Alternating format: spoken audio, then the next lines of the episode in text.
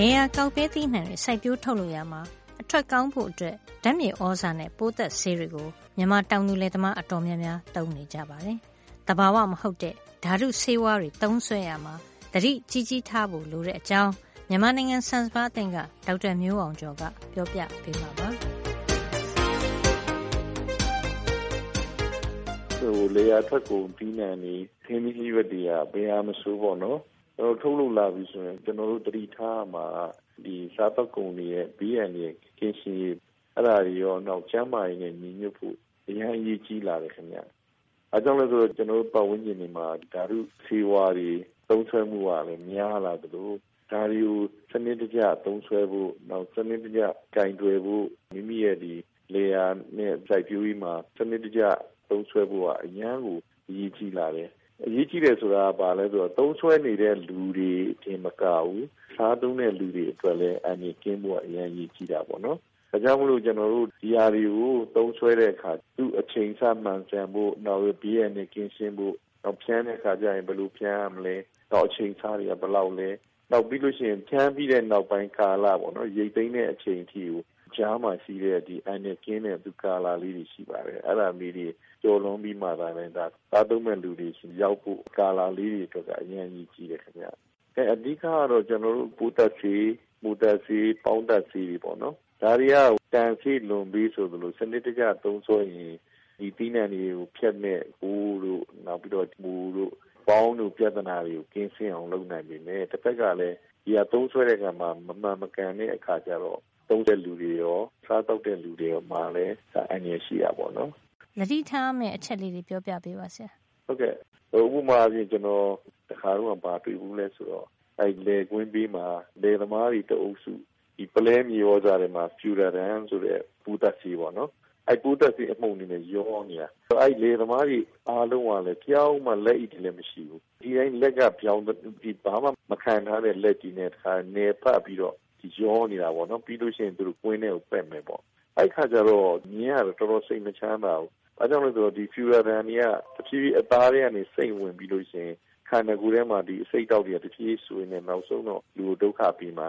နောက်တစ်ခုက ချက်ချင်းလဲသူကပါလဲဆိုတော့ ဒီအငွေ့တွေ ထွက်တဲ့ခါကျ အဲ့အငွေ့တွေ ရှူနေနဲ့ဒါလူရဲ့ချက်ချင်းကို မူးမိသွားတာမျိုးတတိကိုအစိတ်တင်တာမျိုးရှိရလေအဲကြောင့်မလို့ ဒီဟာတွေက လက်လက်ဆိုတဲ့ကင်တွယ်လို့ကို မရဘူး ဒါတွေအတွက်ကိုဒီဒီချာချာ ပညာပြီးဖို့ကိစ္စရဲ့အရင်ကြီးကြီးလာတယ် ဓာတ်မြေဩဇာတွေမှာဖျူရာဒန်လို ထိရောက်တဲ့ ပိုးသတ်ဆေးတွေကိုပါ ရောပြီး အပင်တွေ အောင်မြင်ဖြစ်ထွန်းအောင် ထည့်သွင်းသုံးစွဲလေ့ရှိပါတယ်။ဒါကြောင့် ကိုယ်သုံးတဲ့ဓာတ်မြေဩဇာမှာ ဘယ်လို ပိုးသတ်ဆေး ရာခိုင်နှုန်း ဘယ်လောက်ပါနေတယ်၊အန္တရာယ်ကို ဘယ်လို ကာကွယ်ရမယ် ဆိုတာတွေကို သိထားဖို့ လိုပါတယ်။ဖျူရာဒန်ကတော့ သူက အမှုန်ပဲခင်ဗျ။သူ့မှာခရစ်စတယ်လေးတွေလိုပေါ့နော်။အဲဒီကောင်က တော်တော် အဆိပ်ပြင်းတယ်။ပြင်းတယ်ဆိုတာ သူက ပင်လုံးပြတ်အာနိသင်လည်း ရှိတယ် အထူးသဖြင့် ကျွန်တော်တို့ဒီစဘာဆိုလို့ရှိရင်လည်း အပင်ငယ်ဘဝမှာဒီချက်ပိုးတွေဒါချက်လိုက်တာနဲ့ဒီအပင်လေးကသူကမကြီးနိုင်မဲနဲ့ ထွက်လာတဲ့ကွာတခါလေပျက်စီးရတာဆိုတော့လေ အဲ့မှာ အဲ့ပိုးတွေတန်ကို ခံနိုင်ဖို့အတွက်ကို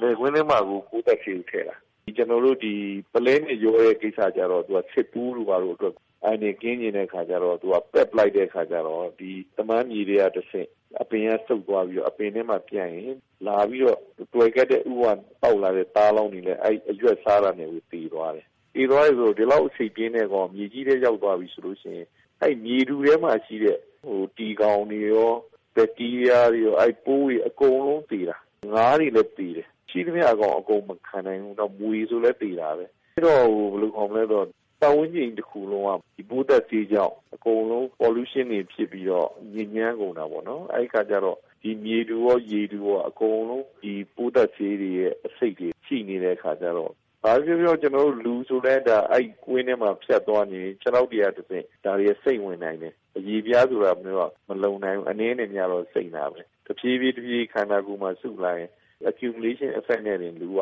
တဖြည်းဖြည်းဒီအစိတ်သိမ့်တဲ့ယောဂါတွေဖြစ်လာတာပေါ့နော်ဒါကြောင့်မလို့ဒီ Furana ကျွန်တော်အနေနဲ့ဖြစ်နိုင်ရင်အတတ်နိုင်လို့မတုံးတာတော့ပူကောင်းပါလေခင်ဗျဟုတ်ကဲ့ဒီပလဲတက်မြေဩဇာအစိုးရထုတ်တာနော်ဆရာမြေဩဇာကအစိုးရလည်းထုတ်ပါတယ်နောက်တရုတ်ပြည်ဘက်ကလည်းအများကြီးဝင်ပါတယ်ဘယ်လိုနာမည်နဲ့ဝင်လဲဆရာတရုတ်ပြည်အဲတရုတ်ပြည်ဘက်ကတော့ကျွန်တော်တို့ဟိုပါပေါ့နော်တရုတ်စာတွေနဲ့ကျွန်တော်ရွှေတောင်တို့ပန်းဘူးတို့အဲ့လိုမျိုးတွေပေါ့စိတ်အမျိုးမျိုးနဲ့ဝင်တယ်ဟို ရှင်းပြောရင်တော့ ကျွန်တော်တို့ မြန်မာနိုင်ငံရဲ့ဒီမျိုးစာဥပဒေရဆိုရင်တော့ ဘယ်မျိုးစာမဆိုဒီမြန်မာလူပါမယ်ဆိုပြီးတော့ တခါညွှန်ကြားထားရရှိပေမဲ့တရုတ်ပြည်ဝင်သမျှမျိုးစာမှာတော့ဗမာလူဘာမှမပါဘူး တရုတ်စာနဲ့ အင်္ဂလိပ်စလုံးတွေ အင်္ဂလိပ်စလုံးဆိုတာလည်းဒီကနန်းတွေကတော့ အင်္ဂလိပ်ကနန်းပေါ့နော်ဒီတရုတ်စာတွေပဲပါတယ်အေးချာညွှန်ကြားထားတာဟိုပေါ့ ကျွန်တော်တို့ဒီပလဲဆိုလို့ရှိရင် သူ့ရဲ့မတန့်စင်တဲ့ ရာခိုင်နှုန်းလေးရှိရပါ unit percentage ဆိုတာ အဲ့ဒါဒီဘလောက်ရာခိုင်နှုန်းပါတယ်လဲဆိုတာကိုပေါ်ပြမတာဘူး တကယ်တမ်းတော့အဲ့ diurate percentage ကကျွန်တော်ပုံမှန်ဆိုလို့ရင် ဖြစ်တင်ဖြစ်တိုက်တာတော့ less than 2%ပေါ့နော် 2%အောက်မှာပဲ ရှိရမယ် ဒါပေမဲ့ အဲ့ရနေတွင်းတဲ့ မြေရောစာရေးမှန်တယ်များဘလောက်ရာခိုင်နှုန်းဆိုတဲ့ဒီအစိတ်တောက် ရာခိုင်နှုန်းဘလောက်ပါတယ်လဲဆိုတာကိုမပေါ်ပြထားဘူး ဒါကြီးကတော့ မဖြစ်သင့်ဘူးလို့ ကျွန်တော်တို့မြင်ပါတယ် ဒီအိတ်ဒီမှာ အစိတ်တောက်ရာခိုင်နှုန်းဘလောက်ပါတယ်ဆိုတာကို ဖော်ပြမထားတဲ့ဟုတ်ကဲ့ဓမြေဩဇာတွေဘာလို့ မသုံးသင့်ဘူးပေါ့နော် အမှန်မှန်တော့ အဲ့လို ဖော်ပြမထားတာမျိုးကိုတက်ဆိုင်ရာ ဌာနတွေအနေနဲ့ပေါ့နော် ဒီလိုဟာမျိုးမဘာကြောင့် မဖော်ပြလဲမတွင်းလာတဲ့ လူတွေပေါ်မှာ လိုအပ်တဲ့ ညွှန်ကြားချက်တွေ ထုတ်ပေးဖို့ လိုမယ်လို့ မြင်ပါတယ်။ကြီးတော့တာဘာမှမဟုတ်တာ ဒီဟာတွေကနေ ထွက်လာတဲ့ စိုက်ပျိုးရေးထွက်ကုန်တွေကို ကျွန်တော်တို့ စားမယ် ဟင်းသီးရွက်တွေ စားမယ်ဆိုတော့ သူ့ရဲ့မတန်းစင်မှုကြောင့် ကျွန်တော်တို့ ခန္ဓာကိုယ်တွေမှာ လာပြီးတက်ရောက်နိုင်တဲ့ အန္တရာယ်တွေကရှိတယ်။ဥပမာတစ်ခါနှစ်ခါနဲ့မဟုတ်ဘူးကျွန်တော်တို့ကနေတူတူကစားသုံးနေရတဲ့ခါကျတော့ဒီအာနိတင်တွေကြောင့်ကျွန်တော်တို့လူတွေမှာဒါအမျိုးမျိုးသောယောဂတွေမမြင်နိုင်တဲ့ယောဂတွေပေါ်လာတယ်။ပတ်ဝန်းကျင်ကကျွန်တော်တို့စားသမျှတွေအကုန်လုံးစိတ်မဖြစ်ဘူးဆိုတဲ့ခံစားချက်မျိုးတွေမှာကျွန်တော်တို့ဖြစ်လာတာပေါ့နော်။အဲအဲ့ဒါကြီးအတွက်ကိုသက်ဆိုင်ရာဌာနတွေအနေနဲ့လည်း အတတ်နိုင်လို့ပေါ့ဒီလိုကိစ္စတွေပေါ်မှာဖြစ်နိုင်တော့ထိထိရောက်ရောက်တချို့ဆိုရင်ဒါသတိပေးသတိပေးပြီးမလိုက်နိုင်ပြင်းပြင်းထန်ထန်လုပ်တဲ့အထိကိုဘသူမျက်နှာမှမကြည့်ဘဲနဲ့အရေးယူတဲ့အထိကိုဖြစ်တင်တယ်လို့ကျွန်တော်မြင်ပါတယ်ဒေါက်တာမျိုးအောင်ကျော်ရဲ့ပြောကြားချက်နဲ့ပဲဒီသတင်းပတ်အတွက်သိပ္ပံနဲ့နည်းပညာကဏ္ဍကိုဒီမှာပဲရန်နာလိုက်ပါရစေနောက်တစ်ပတ်မှာပြန်ပြီးဆုံရ